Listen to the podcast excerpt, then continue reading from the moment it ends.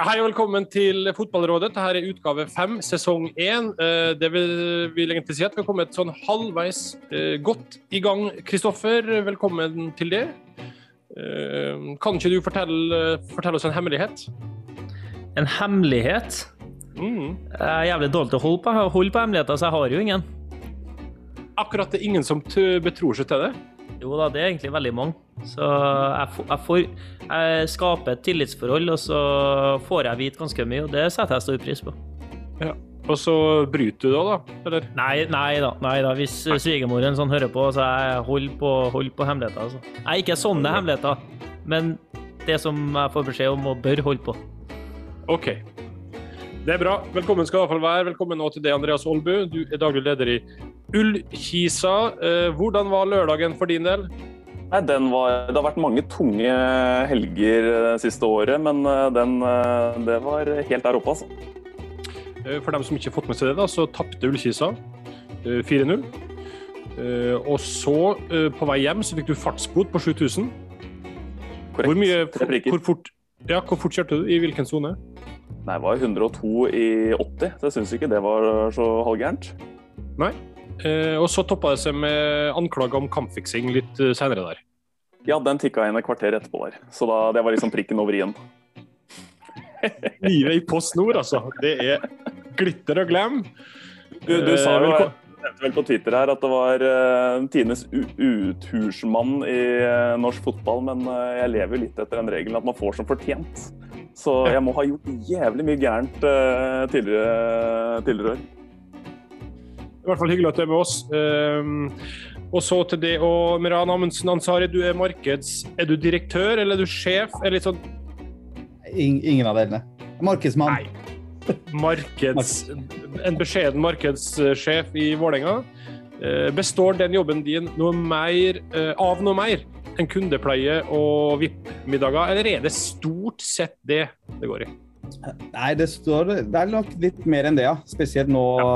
i det siste. Så, og så så jeg, var, jeg ble vel tagga i en eller annen at jeg var jo Jeg hadde vel ansvar for pølser og sånn òg, virka det som. Så da ja. Vi kom vel inn på det etter hvert. Men eh, ja. Dette kan jo Andreas skrive under på. Vi har eh, Det er nok arbeidsoppgaver i løpet av en dag er det. Ja, det vil jeg tro. Eh, hvilken eh, VIP-middag eh, har vært morsomst siste året? Ja, vi har jo ikke hatt så mange av de, da. Jeg har jo ikke hatt VIP-gjester heller. Men, eh, men, eh, jeg må Altså, jeg gleder meg til 16. mai-kampen. Den ja. tror jeg blir eh, tidenes VIP-middag. Både Ja. Jeg hadde en nydelig julemiddag hos deg i desember på Intility i fjor, så det var høyt nivå på den. Ja. Og der setter vi, setter vi punktum der, eller? Ja. OK. Men det er bra. Veldig hyggelig at dere er med, i hvert fall alle tre. Eh, så tror jeg bare vi hopper rett i det. For uh, det vi har lyst til å snakke om i dag, er hvordan man skal selge norsk uh, fotball. Um, hvordan skal norsk fotball bli mer attraktiv, både for fans og sponsorer og media? Og hva gjør man egentlig for å fylle tribunene og uh, hermetegn selge produktet, da, som det heter så fint. Um, det er grovt, grovt, sett det vi skal bruke noen minutter på nå. og Vi kan starte med det, Meran. Uh, mm. hvis du kan si noe generelt, hvordan syns du norske klubber er på å selge seg sjøl? Tja, hvor skal man starte? Jeg, det er jo noen klubber som har skilt seg ut. Og så syns jeg det er altfor mange klubber som er eh, Kall det litt for dårlig til å snakke frem produktet vårt. da. Eh, norsk fotball generelt. Eh, ikke aktive nok ja, på sosiale medier eller eh, tør å stikke huet fram. Og Der tror jeg vi har en vei å gå. og Det, det kan skyldes mange årsaker til det. Eh, det går jo på ressurser, det går jo på, på si, pengebruk osv. Men, eh, men jeg syns ikke vi er generelt flinke nok, nei. Det syns jeg ikke. Eh, du som ser det fra, litt fra utsida, Andreas. Hva syns du, hvis du skal på en måte gi en dom her, hva syns du om norske klubber? Nei, jeg syns vel det er en bedring eh, på mye, samtidig som man fortsatt har en lang vei å gå. Eh, ved at man eh, Tilgjengeligheten og åpenheten syns jeg hos de større klubbene Bare sånn ta Rosenborg som et eksempel. da, At de kjører eh, på innsiden der oppe nå, syns jeg har vært fantastisk. Eh, og så er det som Meran sier, det har vel vært det er store forskjeller i Eliteserien. Klubben til Løkberg, der har jo alt vært Alt vokser på trær der og bare skutt rett oppover. Uansett hva de gjør, så blir det jo bra. Og mange klubber har vært veldig bra. Da. ta Sarpsborg som et eksempel. Der har jo de sportsresultatene har ikke vært noe all verden de siste årene, men jeg syns den, den, måten de har jobba mot dette her, har vært meget imponerende. Og så mm. har du noen klubber som omtrent ikke oppdaterer Twitter og Instagram og Facebook og alt mulig sånn som er under enhver kritikk. For uh, uansett om du er 50 eller 60 år nå, eller om man skal ha unger på kamp, som vi sikkert kommer litt tilbake til, så vi mm. lever jo alle på den her nå. Du Kristoffer, som er representant på Viking her, dere får jo stort sett bare ros for måten dere selger klubben og stadion på. Uh, hva tror du er nøkkelen der? Er det det sportslige, eller er det noe mer? Ja, det er jo fryktelig lett i medgang, da. Og da flyter jo alt, og så er jo alt uh, artig man finner på å legge ut i, i, sosiale medier, er jo givende og artig for folk. Men uh, jeg er jo spent, da. Det kommer jo en motgangsperiode om man klarer å holde opp den samme jovialiteten, det samme trykket, og ikke tenke at nei, selv om vi sportslig ikke det går like bra, så må man tørre å by på seg sjøl og sånn. Men skuddene kommer jo så fort fra folk, da, vet du. Det, hvis man prøver å bjuda litt på og er, gjør det lille ekstra, så er det omtrent sånn ja, Kan ikke dere begynne å konsentrere dere om å vinne kamper, liksom? Så man må klare å kombinere det der, da, og, og by på seg sjøl jevnt og trutt, uavhengig av hvordan det går på banen, og ikke ha den der høyt opp, masse publisitet, tjo og hei, lavt ned. Da skal vi omtrent gjemme oss og sorry, vi, vi er på treningsfeltet og jobber, stol på det, liksom. Så man må klare å atskille de bitene her. da. Marked og andre folk i klubben må jobbe for å eh, selge klubben hele tida. Og om det så går dårlig, så må de selge kanskje på en litt annen måte osv. Men trykket i sosiale medier og sånn må ligge der hele tida. Hvis ikke blir det veldig overfladisk og falsk, da. Syns jeg i hvert fall. Mm. Hvordan uh, merker man det, Meran? Altså hvis det er sportslig? Uh, det, jeg antar det er vanskeligere uh, å få solgt ut stadion da? Nå er ikke vi akkurat eh, bortskjemte med sportslig suksess i Vålinga, da. Det har vi jo knapt hatt de siste ti åra. Men, eh, men, det er som Kristoffer eh, sier, da. Det er jo veldig viktig det å på en måte vise seg fram uansett om man har sportslig suksess, om det er nedturer eller oppturer. At man er, man er, bevisst på det.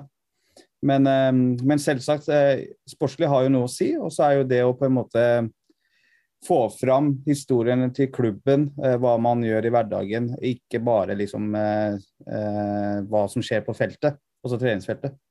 Å få fram de suksesshistoriene, det er, det er alfa og mega, det. Hva, hva, tror du er viktigst for dere eh, for at folk skal komme på stadion?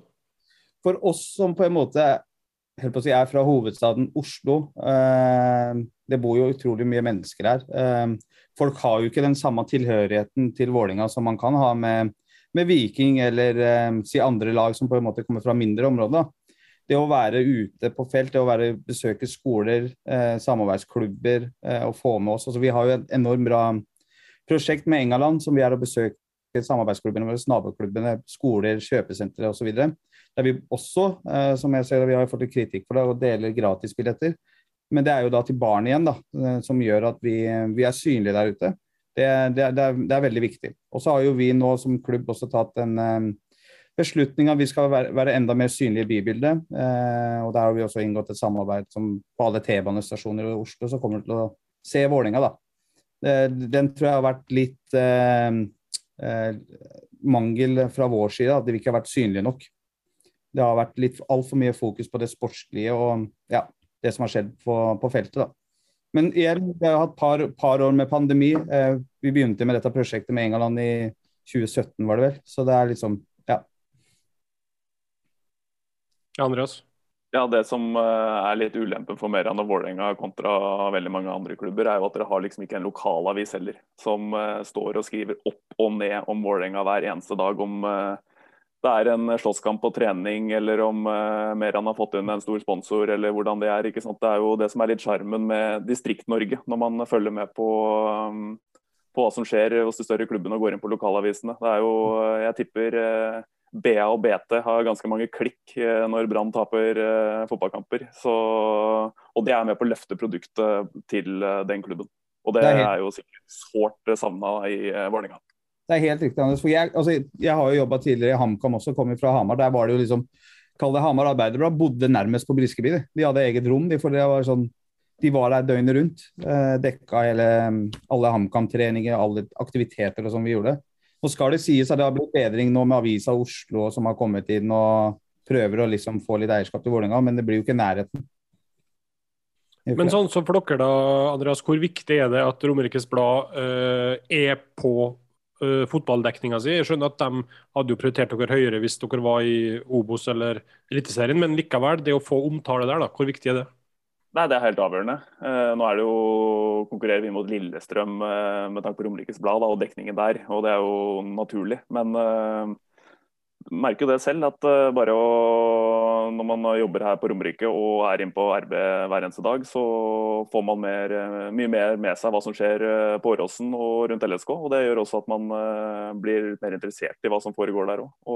Det føler jeg er ganske naturlig. Så Det er jo selvfølgelig et minus for oss at vi er litt nedover i systemene og ikke har så mye dekning, men jeg tror det er helt avgjørende for at den fanbasen lokalt skal få med seg info. Men hva er da dine triks, sagt, eller hva gjør en klubb for å nå gjennom til lokalaviser eller media for å få oppmerksomhet? De må kjøre for fort, da. Så det er skandaler, det er det som selger? Tydeligvis. Miste en trener, kjøre for fort, rykke ned, litt sånne ting. Så få på at det er noen positive ting snart. Uh, OK. Uh, Miriam, du er jo uh, en av dem som har vært litt offensiv ute i media. Bl.a. rundt Pyro, der du har tatt et veldig klart standpunkt. Du skjelte ut Bodø-Glimt her fordi at de trakk reklamemateriell eller promo der de hadde brukt Pyro, fordi at de er vel imot. Pyro på tribuner så lenge det ikke er godkjent på forhånd. bare for å ta akkurat det med Pyro, da. Hvorfor er det så viktig? jeg mener jo det er jo liksom det å skape en um, underholdning på tribunen. da. Altså det, det, det, bildet du får når du kommer og besøker uh, Vålerenga på Intility, når det er pyro på tribunen og sånn, det, det, gir så mye til uh, supporterne, spesielt for barn og unge, da, som er uh, førstegangsopplevelsen de har på stadion. Altså det, det, gir jo helt noe annet bilde av arenaen enn at folk skal sitte med klappere eller trommer eller hva det skulle vært.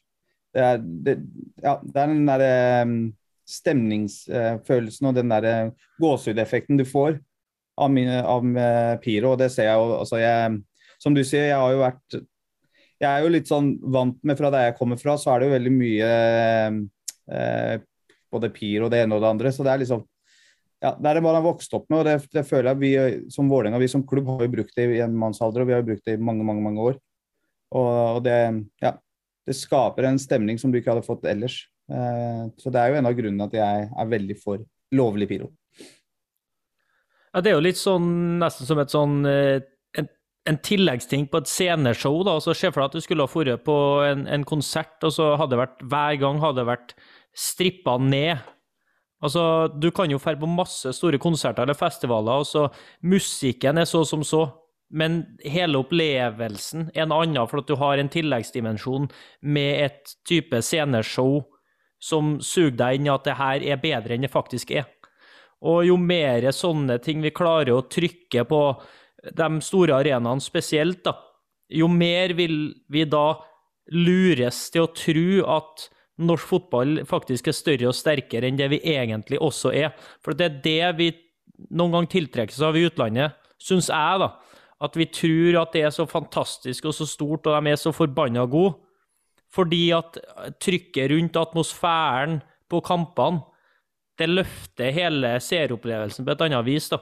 Så, mm. så, jo mer av det vi kan få inn, eh, det, det tror jeg bare er bra. da. Altså, selvfølgelig må det være ordna, lovlige former, og, og, barn og unge skal føle seg trygge til å gå på kamp. Men det, det blir jo regulert, og det blir jo ordna på en ordentlig måte. Det vil jo hver klubb sørge for. Så veldig ja takk til Pyro og, kunne legge på litt ekstra trykk på, på mm. sin hjemmebane.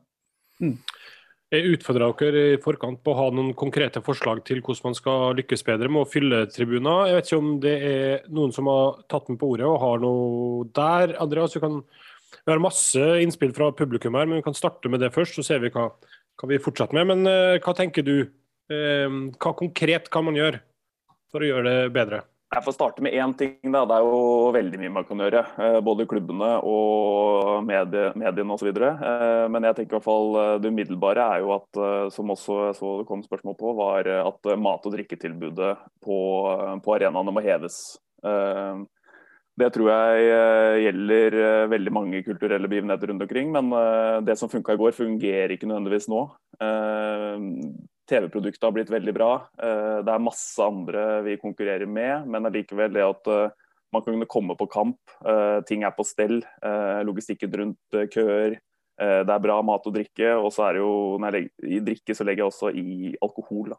Så vet jeg at det er politisk og litt fra kommune til kommune og sånne ting. Men eh, jeg er jo veldig for, eh, for det, at det skal være mulig på arenaene rundt omkring. Eh, mange klubber i dag, også i Obos-ligaen, har hatt veldig suksess med å ha puber på stadion.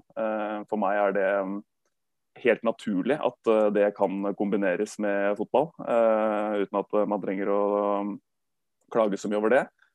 Og så syns jeg på generell basis at vi har fokusert så fryktelig mye på barn og unge for å komme på kamp. Uh, men vi må liksom ikke glemme alderen vår. Det er vi som uh, må tiltrekkes. Det er vi som skaper liv. Det er vi som uh, står på felt O eller i klanen. og det gjør man ikke ved å ta seg en Farris før kamp, tror jeg.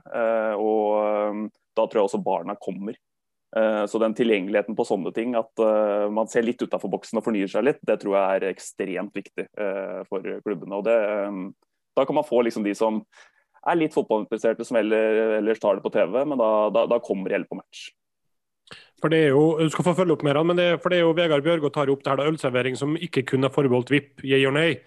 Eh, om, eh, om, det er øltelt kun før eh, og eller etter kamp, eller altså, hvordan kan man gjøre det her? da? Det, du nikker jo, så det virker som du er pro det her, du òg. Ja, altså jeg, jeg, er jo veldig enig med det Andreas sier. Nå er jo vi veldig heldige, for vi har jo Øst som er rett nedenfor stadion. Eh, som på en måte er en del av stadion hos oss. Da. Men eh, det verste jeg ser, det dummeste jeg ser, er jo de politikerne som skal bestemme dette, som er på VIP-fasilitetene hos oss. For der er det jo ølservering. Og det er de som går og sier nei, du kan ikke ha altså Øl og idrett skal ikke blandes osv. Altså det, det ligger ikke på Ja, det, vi kunne prata mye om dette her òg, men for meg så er det som Andreas sier, altså det, er, det skaper det er de alderen vår. da. Eh, gjerne ta med deg noen kompiser i forkant et par timer. Nå har jo vi eh, kaller pro fans som barn, også, men du kan jo ha fans for de eldre også. Som da handler om å få noe eh, bra mat og drikke i forkant av kamper. Vi har jo vært på noen turer sammen, Andreas, og det er jo det vi på en måte syns er hyggelig. da, Å dra et par, par timer før kamp før vi setter oss og skal se en Obos-ligakamp, eller om det er Post Nord eller om det er Eliteserien, og faktisk ta seg en øl.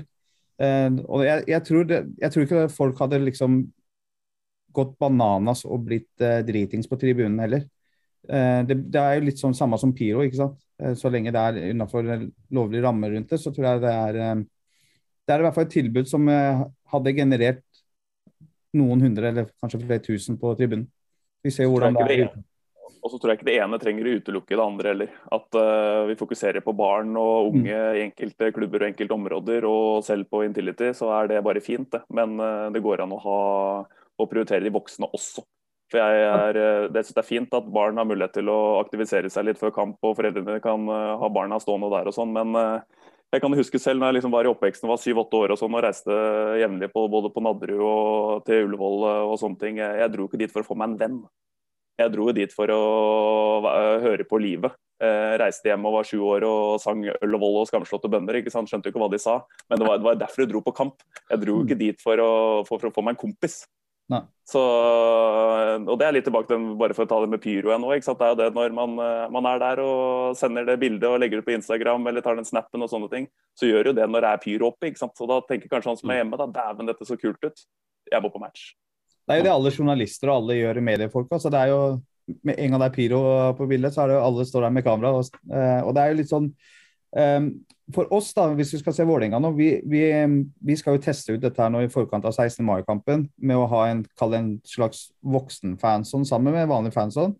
Der vi inviterer til matfestival. Eh, tidenes første matfestival, som er flerkulturell matfestival. Vi skal, ja, det er pepperen gror, det er masse aktiviteter for de på voksne. da, og Der har også Øst fått, eh, fått eh, skjenkebevilgning som de kan på en måte servere utafor arenaen og alt. Og det, er, det, har vi, det vet vi jo at det kommer til å bli godt, veldig godt tatt imot fra supporterne.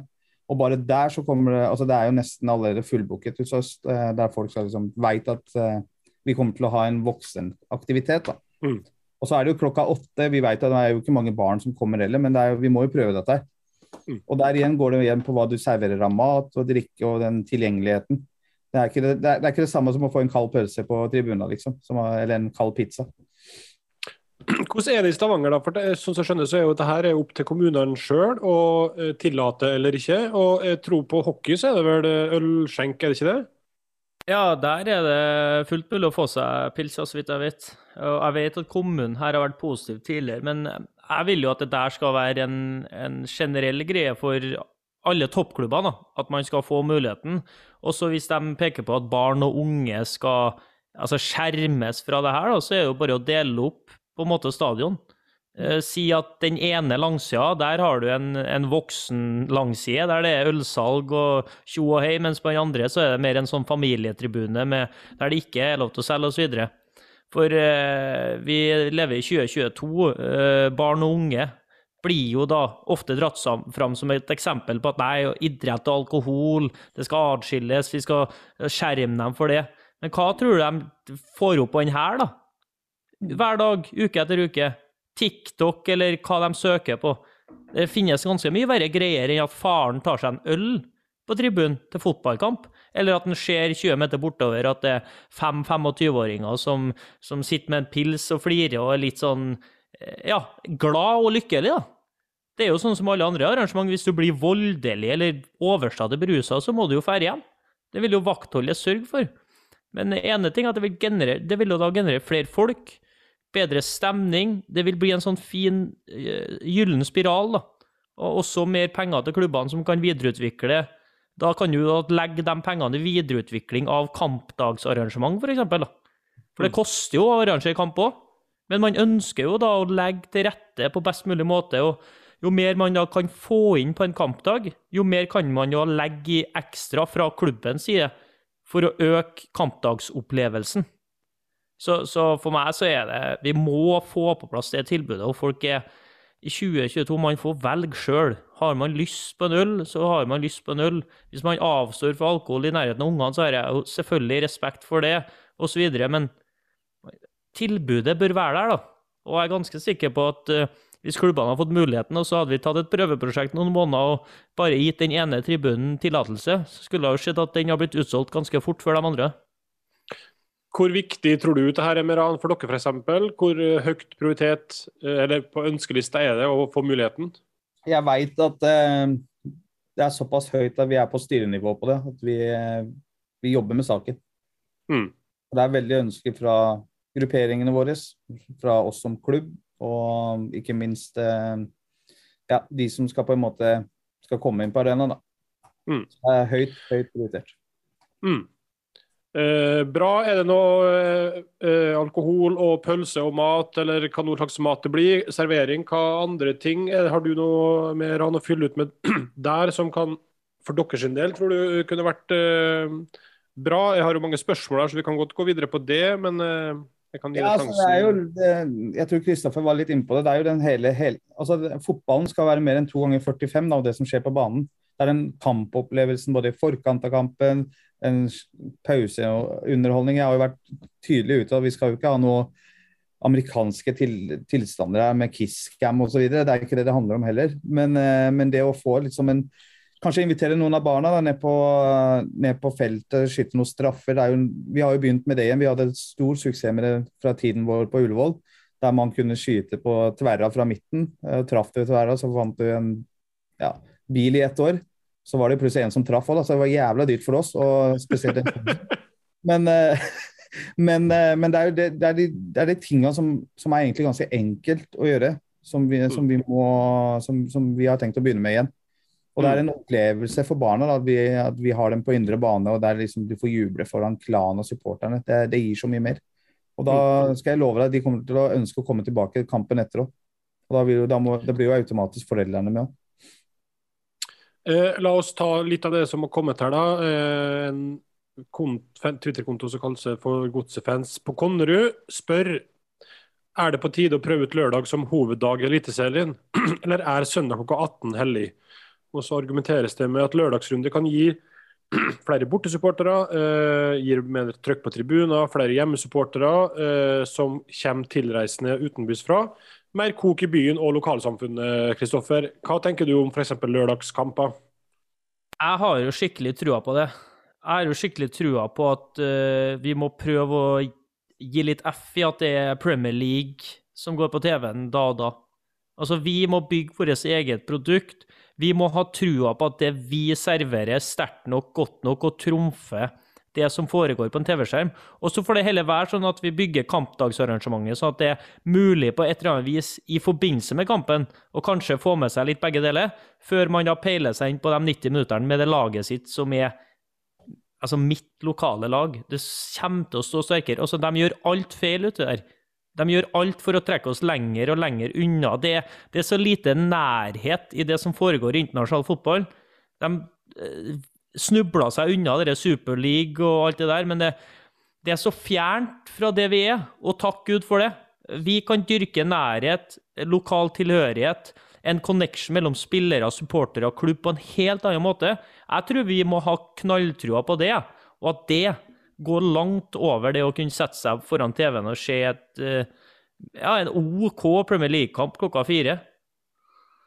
Eh, hva tenker dere to andre om lørdagskamp? Andreas, du vil jo helst se Liverpool da, så du er vel negativ, vil jeg tro, men Ja, nei, jeg er enig i det. Eh, men da også handler det litt om at hvis det skal være lørdag klokka tre, fire, fem osv., så, videre, så er man avhengig av det. Igjen tilbake til det vi var med at uh, da må det være noe mer. Uh, og mm. da gjerne med litt uh, om det er med skjenk og litt mat og sånne ting. Så tror jeg det kan bli, bli veldig bra. jeg har vært negativ til lørdag selv for Obos-ligaen, for mindre klubber. For vi konkurrerer mot vi må basere oss på noe annet enn de mm. toppklubbene i Eliteserien. Uh, og ha egne dager og sånn som det har vært. Det syns jeg har vært veldig bra der. Uh, men at uh, Vålerenga, Rosenborg, Brann, Viking osv. kan bli liksom den attraksjonen på en lørdag, tror jeg er veldig fint. og så er jo jeg fra Bærum og fra Østlandet, da, og da er det jo enkelte måneder man spiller fotball på i Norge som selvfølgelig er litt skummelt å spille på, på lørdager òg, for veldig mange er jo borte. Eh, det er jo mye hytteturer og mye som skjer. Eh, så det kan jo være en utfordring i juni, juli, august osv. Men eh, jeg tror likevel at man må bare liksom skape sin egen greie og bare stå ved det. Men hvis det blir såpass attraktivt òg, så tror jeg folk kommer hjem og reiser på bortekamper og sånn i tillegg. Har du noe Ja, Meran? Det er vel litt lørdagskamper i Post Nordligaen, er det ikke Andreas? Her er det fryktelig med lørdagskamper. Så vi spiller nå klokka ett på lørdag mot Tromsdalen, så jeg er spent på om det kommer veldig mange hit da. Da tror, Nei, da, da, da tror jeg vi må ha sterkere stoffer enn skjenk, altså. altså Hvis vi ser på de kampene som har vært lørdagen nå, da, med var det Viking Haugesund, og så ser tilskuddstallet der eh, det, det, sier seg sjøl at folk eh, legger jo litt mer til rette for å komme på kamp òg. Eh, både familier og ja. Mm. Spesielt de tidspunktene som er, da. Så får du tror det kunne vært en bra ting å prøve ut, eller? I litt større grad? Og jeg var jo veldig for den uh, satsingen vi hadde i fjor, uh, der vi hadde litt Altså hvis det skal være på søndager, da. At det skal være litt tidligere i stedet for at vi skal kjøre klokka åtte. At man hadde hatt uh, bare den ene timen der klokka sju. Det, det, har mye å si, det, altså. Mm. og samme med klokka fem da, i stedet for seks. Mm. Eh, du var så vidt inne på det, det med gratisbilletter her. Eh, Knut Husdal skriver eh, at gratisbilletter devaluerer produktet. Og de gir samtidig lavere salg og publikum over tid. Mm. Og så koker det jo ned til at det er mange som blir irritert fordi at de har betalt fullpris, og så kommer det masse gratisbilletter ut til om det er bedrifter eller skoler eller hva det nå er for noe. Hva tenker du rundt gratisbilletter for å fylle opp? Jeg er eh, egentlig veldig enig i den settinga. Vi, altså, vi skal ikke selge, eller gi bort, kall det fotballen eller produktet vårt. da. Eh, det koster å se Eliteserien, det skal koste å se um, Obos-ligaen nå. Eh, samtidig så er det jo for vår del eh, Vi har jo hatt noen prosjekter der kall det sponsorene er med og dekker de prisene for å, for å få barn eller voksne som sliter økonomisk, for det er det mange av på østkanten altså på Oslo øst. Det er mange familier som syns fortsatt 200 kroner er for dyrt å komme på kamp. Og har du en familie på fem-seks, som de gjerne har, eller sju-åtte år for en gangs skyld, så, så, er det for dyrt å komme på, på arenaen. Og da, da, har vi fått med noen partnere som har betalt for de billettene, da. Eh, mm. De gratisbillettene skal jo da eventuelt bare være retta mot barn. Eh, som da igjen gjør at voksne må bli med på kamp. Mm. Så, det skriver han Knut her òg, at uh, unntak er jo barn og vanskeligstilte. Uh, det er jo ganske åpenbart, selvfølgelig. Men uh, jeg vet ikke hva du tenker, Kristoffer. hva bør en billett koste? Eller er det noe man kan lage dynamisk, sånn at f.eks. hvis du kjøper tidlig, får du billig, kjøper du seint og det er utsolgt nesten, så blir det dyrere? Jeg liker jo den abonnementsordninga som har kommet, som vi kjører, for, f.eks. eksempel. Altså, du kan jeg, jeg, vet ikke hva det koster. Altså, det ene syns jeg så rundt 120 kroner billigste, da. For en sånn studentgreie, eller om det var felt O, husker ikke hva det var. Men si mm. mellom 100 og 200 kroner i måneden, altså for å, for å få se og Tenk deg, du kommer til mai her, da. Og får du, kan jo få fire hjemmekamper hvis du er heldig, og får sett på stadion. Så, så jeg syns den abonnementsgreia har lagt til rette for at det er relativt rimelig å se kamp, og du slipper ut med et sånt stort engangsbeløp. Så, og, og, det å da dyrke den gjengangeren på, på stadion er jo, vil jo også dra med seg massene hvis, hvis det blir til en positiv opplevelse. Så mm. enkeltbilletter Selvfølgelig, man må jo ikke prise seg ut, det kan jo ikke være for dyrt. Men det vil jo igjen da skape et, kanskje et lite trykk mot at ja, sesongkort eller abonnement er, er det høy verdi i, da. Mm. Et forslag her, ja. Mer enn. Mm. Vi også hadde jo Det var jo Viking som gikk ut med det først, i forhold til den abonnementsløsningen. og vi vi tok det jo veldig tidlig med supporterne våre, så da, nå har vi jo testa ut eh, på østblokka. Eh, og du ser jo i mai, ikke sant. Du får jo med deg Kamma og Rosenborg, så 16. mai og Rosenborg til 179 kroner. Det er jo egentlig i bortpris. Og der ser du abonnementene har jo økt betraktelig siste ukene nå. Og, um, så det er, det er noe, noe, som vi som klubb også kommer til å ha, gjøre, gjøre som Viking, da, og tilby det over hele stadionet. Til en lavere pris. Og så syns mm. jeg at vi jeg har jo si, gravd fram litt på billettprisene på borte, for bortesupporterne òg. Der også syns jeg vi klubber har kanskje noe å gå på, og ikke priser det for høyt. Altså, nå skal det sies at jeg synes jo det som har imponert meg mest i år, er jo bortesupporterne i år. Eh, det er flere og flere lag som kommer nå etter. Vålinga har jo alltid vært best i klassen, eh, mener jeg. eh, men nå ser du flere klubber som Viking, Bodø, Brann i Obos-ligaen, eh, som kommer seg, og Rosenborg ikke minst. da. Så der bør, jo, der bør, man jo nesten kjøre en lik pris he over hele linja, og der er jo vi i hvert fall mener jeg, blant de billigste, da, på 190 mm. kroner. Mm. Godsefans har et forslag her, eh, Andreas, der forslaget er 5% av billettinntektene skal øremerkes supporterklubben for å skape eh, levende visuell, en levende visuell tribune med TIFO, pyro osv. Er det umiddelbart, hva tenker du rundt det? Nei, Jeg tror vel uansett om man, eh, at man burde gå i dialog med supportergjengen. Jeg vet jo, nå har jo blitt godt kjent med Merian de siste par årene, og jeg vet jo at han eh, jobber aktivt med det. Eh, om det kan være tiltak for, for Vålerenga eller andre klubber, så er jo det fint. For jeg tror også at det, det må selvfølgelig man må få folk på kamp, men det er de tilleggsgreiene med TIFO og Pyro og det som eventuelt kommer, er viktig. Og Penga detter jo ikke ned fra himmelen eh, til de supporterklubbene heller. Så hvis det kunne vært noe, så er det sikkert fint. det. Også hvis eh, man klarer å finansiere det på en annen måte, så er vel det enda bedre for klubben òg. For eh, mm. man trenger jo penger, de òg. Jeg kan bare nevne, jeg glemte det i sted, men da du tok opp det med servering, så er det en som han har ikke søkt jobb, men uh, han har i hvert fall meldt seg på der. Kai Roger Kjellvold skriver da som kjøkkensjef. Så er på alle kamper på Vålerenga så er han så sjukt skuffa når han kommer til kiosken, for det er lunkne pølser, popkorn uh, på pose, pizza som er stekt for lenge siden. Og det hadde vært siden Bislett, mener han da. Han har veldig mange ideer som skal gjøre produktet bedre med han. Så nå vet jeg ikke hva dere serverer i kiosken, men har Kai Roger et kan du ta en prat med han? Jeg skal gjøre det, for jeg, det kan hende vi må ansette en kjøkkensjef på heltid her. Så det, da skal han få lov å bli med i den prosessen. Men, han, Men hvordan, er, jo, ja. hvordan er det hvis jeg kommer i kiosken din på søndag nå, eller mandag? Hva er det man får kjøpt der da? Altså Det er selvfølgelig kaffe og brus og sjokolade. Sikkert det, eh, vaffel. Ja, det er noe vi begynner med nå, faktisk. vi skal ha vafler på stadion. Folkets klubb begynner med vaffel, altså? Ja, ja, ja. Vi, Det er bra. vi på. Nei, det er pølser, det er pizza, det er um, popkorn. Og så er det som, uh, som han sier, det har jo ikke vært bra nok. Og nå Tidligere så har vi hatt eh, kall det byrå eller selskap da, som har betjent eh, kioskene våre. Og nå har klubben tatt over det sjøl. Så det er jo såkalt frivillige eller eh, lag fra Mm. Yngre som på en måte drifter det. Og så har vi jo samarbeidspartnerne som er med på det. Og vi er i disse dager nå forhandlinger med at faktisk man kan få kjøpt sushi på stadion nå. Så det eh, Vi kan han, eh, han Kai Roger som kom med den meldingen, vi skal oppgradere oss. Det kan vi love. Og så skal vi gjerne ta en prat. Vi skal ta en prat med han også. Ja, for jeg er såpass gammel at hvis jeg får, så får jeg uh, perfekt trekt wiener i brød, kanskje hei hagle der, da er jeg fornøyd, det. Ja. Men det, folk er kanskje ikke sånn lenger? Jeg vet ikke hva man forventer. Hva forventer du, eller ønsker du, Andreas, når du kommer på stadion?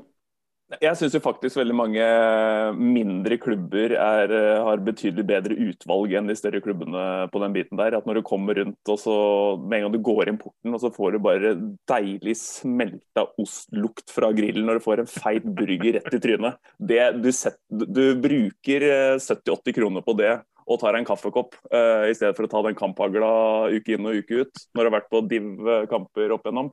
Eh, Så jeg mener fortsatt at eh, storklubbene har eh, mye å gå på på den biten der. Mm. Vi jo Vi skal ta Ja. fra vår side, så ikke for å røpe altfor mye, da, men vi har jo vært i dialog nå med eh, kebabkjøpa på hjørnet her, Folkets Kebab, som kan, kan hende de kan stå innenfor stadion og på Østblokka, der du kan få servert kebab nå i pausa.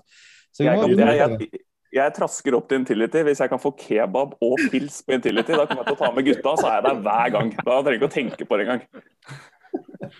Det var jo et forslag fra. Ja, men da er det fordi jeg får VIP-billetter av deg, ikke sant? og da får jeg Ja, andre. Ja, det er noe helt annet.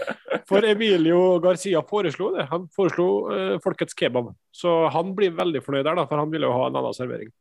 Um, så det er bra. Jeg skal ta, uh, avslutte litt her, men han Benjamin lurer på hvorfor Ullkisa eller han skriver da, Hvorfor bruker ikke Ullkisa og resten av klubben i Norge skoler mer aktivt? Som en rekrutteringsarena for nye fans. eh, Dele ut merch, være synlige. Eh, Har Benjamin et poeng, eller er Ullkisa god eller aktiv nok her? Han har et veldig godt poeng. Eh, nå har man dessverre ikke kunnet gjort så mye de to siste årene nå, da, pga. pandemien og sånn. har det vært begrensninger her. Eh, vi jobba starta med litt sånne ting i 2019, og så er det også litt andre restriksjoner inn mot skolene nå. At det er liksom ikke bare å stikke på skolen ved siden av og um, legge ned noe skriv om 'kom på kamp', og de tar med seg sekken hjem. Eh, det er mye mer man må forholde seg til. Så men at eh, man må være mye mye flinkere ute i bybildet eller eh, til skoler osv. osv. Vi har masse å gå på der, og det tror jeg veldig mange andre har. Eh, bra. Eh, vi går kjapt videre innom uh, bare et kort punkt her, for jeg fikk uh, tre-fire spørsmål retta bare til det, Andreas. Så i spalta Ålbu svarer, så er første spørsmål hvorfor skifter ikke klubben navn til Jessheim fotballklubb? Ja, Det er en evigvarende diskusjon. Det prøvde man her på et årsmøte i 2017. Da var jeg spiller og ble kasta ut fra et årsmøte, for jeg hadde ikke vært medlem lenge nok. for det hadde nettopp kommet til klubben. Uh, så det er veldig mange krefter her på Jessheim som ønsker å bytte navn. Og så er det de på særlig 70 pluss som er fryktelig skeptisk. Det er også de samme folka som uh, ikke ser meg i øya etter at jeg fronta at vi skulle få ølservering her på Jessheim stadion. Så, men uh, jeg og fotballgruppa her er i hvert fall veldig for det å kunne fronte Jessheim-navnet betydelig mer enn det vi gjør i dag. Og du trenger å være over middels fotballinteressert for å skjønne hvor Ullkisa er. Og det Ja. vet jeg også at flere av våre tyngre sponsorer hadde um, satt pris på. Det er en grunn til at vi også driver og selger litt sånn Jessheim-merch og sånn om dagen. Akkurat, ja. Eh, for det er spørsmål to, da. Hvor er egentlig Kisa? Eller hva, altså, hva er det? Nei, spør du meg, så spør jeg deg. Eh, Ja. Ullensaker er jo heller selve området her, da. Men Kisa er et område i Ullensaker eh, rett på utsiden. Så det er eh, Navnet vårt det gir oss ikke noe gratis drahjelp eh, på veien mot eh, fulle hus og toppen av norsk fotball, for å si det sånn.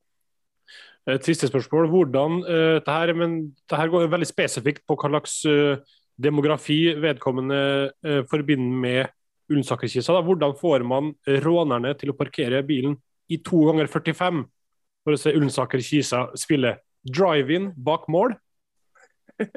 Nei, det er heldigvis er det at det er eh, 150 meter å gå fra begge parkeringsplasser bort, så akkurat de største, verste rånerne holder vi litt unna stadion. Eh, jeg har spilt for én klubb i mitt liv, og det var Reinsfjell. og Der var det eh, parkering oppe på hovedveien, så du så ned på kampen. Der sto bilene parkert, om det var trafikk eller ikke. Så der var det meget tilpassa rånere. Her, eh, Løkberg, ser du har noe du skal veie inn med. Ja, på hytta mi, altså på Brekken, da.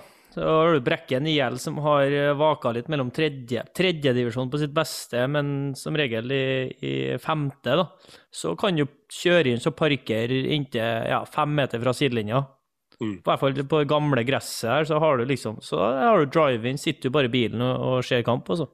Så det, men det, da må vi kanskje litt langt ned i divisjonene til at det blir relevant til å dra, dra folk på kamp, for jeg vet ikke om det bor mer enn ja, 350 mann på Brekken.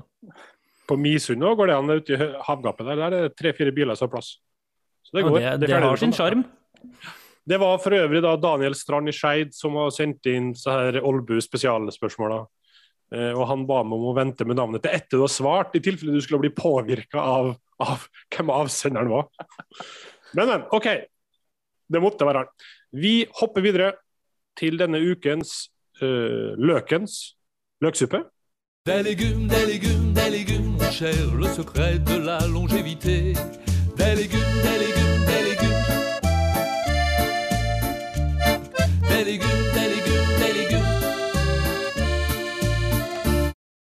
Ja, og denne uka her så skulle vi jo innom det med tribuneliv og få folk på stadion osv. Og, så og da skjønte jeg jo at én pluss én var to, og at ølservering eh, kom til å bli sentralt.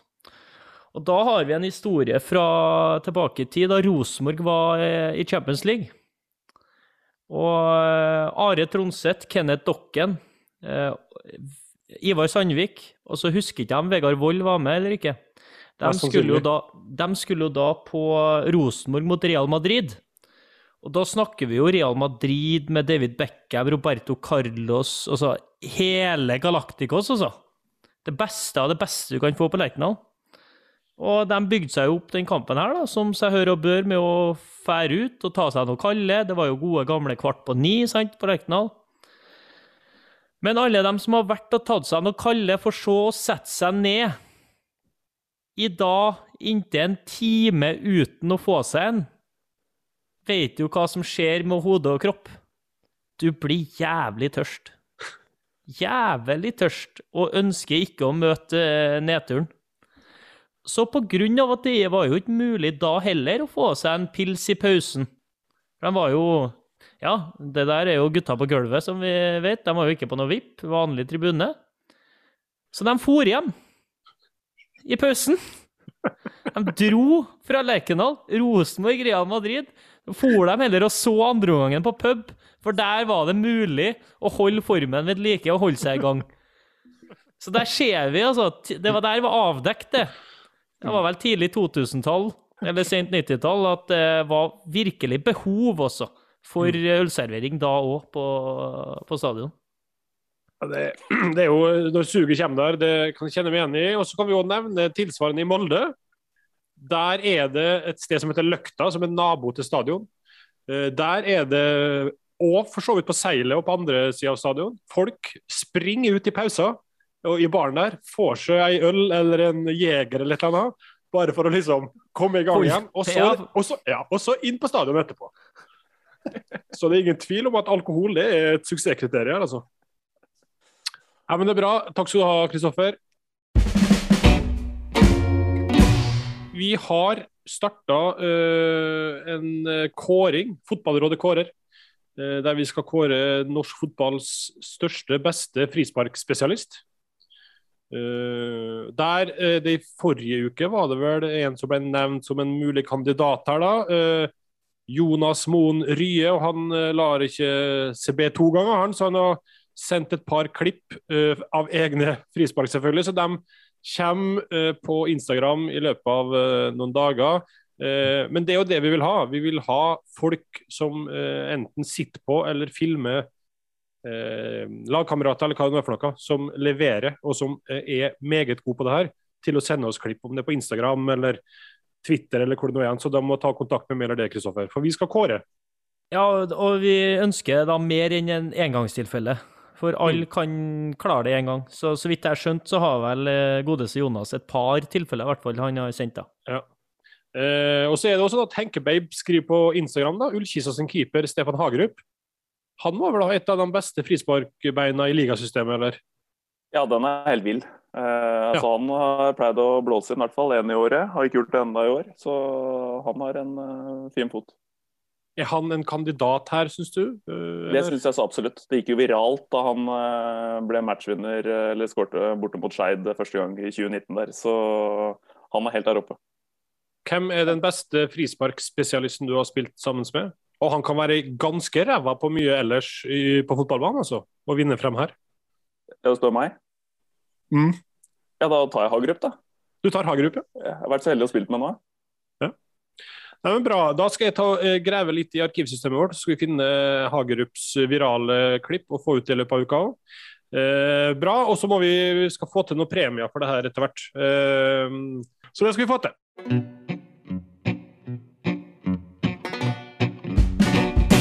Vi tar noen lytterspørsmål. Uh, det her er jo tilbakevendende. Malin M. Tronstad spør eh, Kristoffer, du får svare kort. Har du begynt å vurdere trenerkarriere når din tid som fotballspiller er over? Ja, B-kurset blir gjennomført i eh, høst, det. Så det er vel så langt jeg kan komme før jeg legger opp.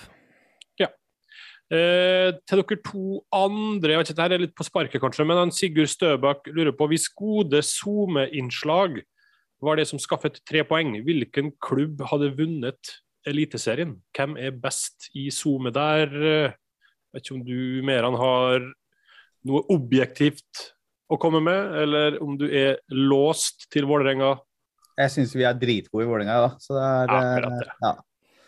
Jeg må si det. Er Tina på kontoret ditt òg nå, eller er det derfor du sier det òg, eller? er det- Nettopp. Hun sitter og hører på, ja. Andreas, har du noe? Jeg har i hvert fall Haugesund høyt oppe på Twitter. Ja. Der er det meget, meget høyt nivå. De leverer bedre på Twitter enn på banen for tida. De, defi- definitivt. Eh, bra. Joakim Fillingsnes spør her, hva tenker dere om uttrykket 'flest mulig, lengst mulig'? Er det veien å gå for Norge som vil utvikle spillere? Er En stor debatt her, da, men er den norske modellen det er det vi er? Kristoffer?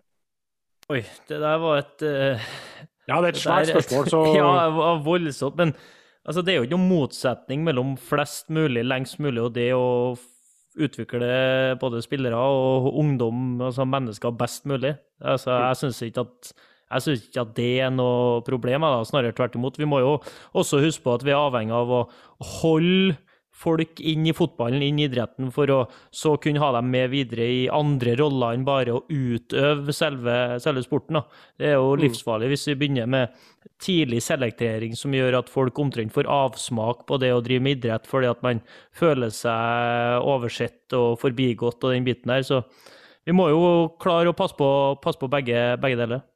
Mm. Eh, bra. Eh, det er jo et spørsmål til til det her, fra Tjessem. Eh, han har ei kone som lurer på om Stensnes og Fridjonsson har samme frisør. Er det noe du kjenner til, eller er det Det har jo blitt en sånn innfrisyre i garderoben, men sånn, jeg vet ikke hva de kaller det, sånn møllet eller noe sånt. Det, er veldig sånn barbert og spist bak her. Eh, vi har vel Nilsen Tange nå, som har vært innom samme, samme varianten. Sjøl så hevder jo Stensnes at hans er mer australsk inspirert, da. Mens uh, Fridtjonsson og han, det kan ikke sammenlignes. Men uh, vi er da flere her som har observert uh, det samme, at det er veldig, veldig likt.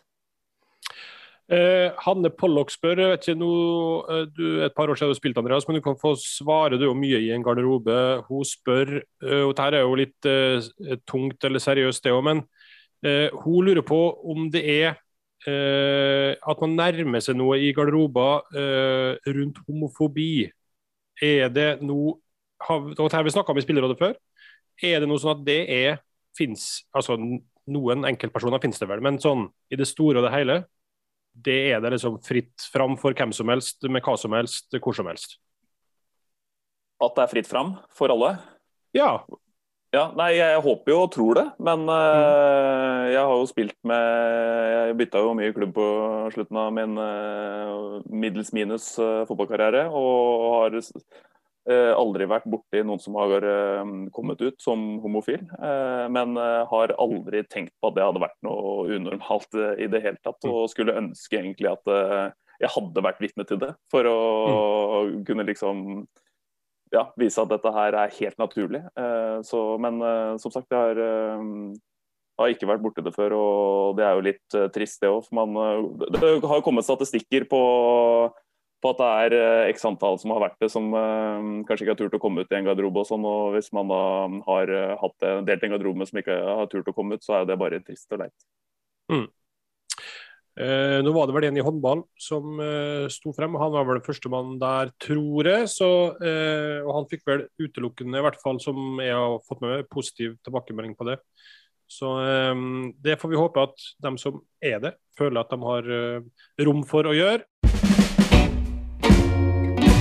Vi tar en siste spalte, og det er Fotballrådets bra eller drit. Og dette er ganske enkelt. For dem som har hørt før, kjenner reglene. Jeg har et ord eller et uh, fenomen som dere skal ta stilling til, som dere ikke kjenner til på forhånd. Uh, og Da kan vi starte med Kristoffer Løkberg, og være pedagogisk. Han kan gå uh, først her. Um, linjedommere som praktiserer tungt flagg. Drit. Bra eller drit? Drit, ja. Drit, ja. Altså, må gå an å vinke når du ser at det er klar offside. Såpass selvtillit må du ha. Og det, det her handler utelukkende om sjøltillit for din del. Ja, jeg føler at det er jo sånn sikkerhetsgreie å stå her liksom og du nesten står og vipper på armen og håper at situasjonen bare skal gli over, sånn at du slipper å vinke. Det er nesten det det synes ut Og Så var jo enda verre. Da er det jo sånn som du spiller på trening. Noen, nei, spill til avslutning, og så dømmer vi etterpå, liksom. Så sier vi etterpå, men også bare for å få en sånn treningseffekt. vet du. Nei, det Vink, mann. Vink.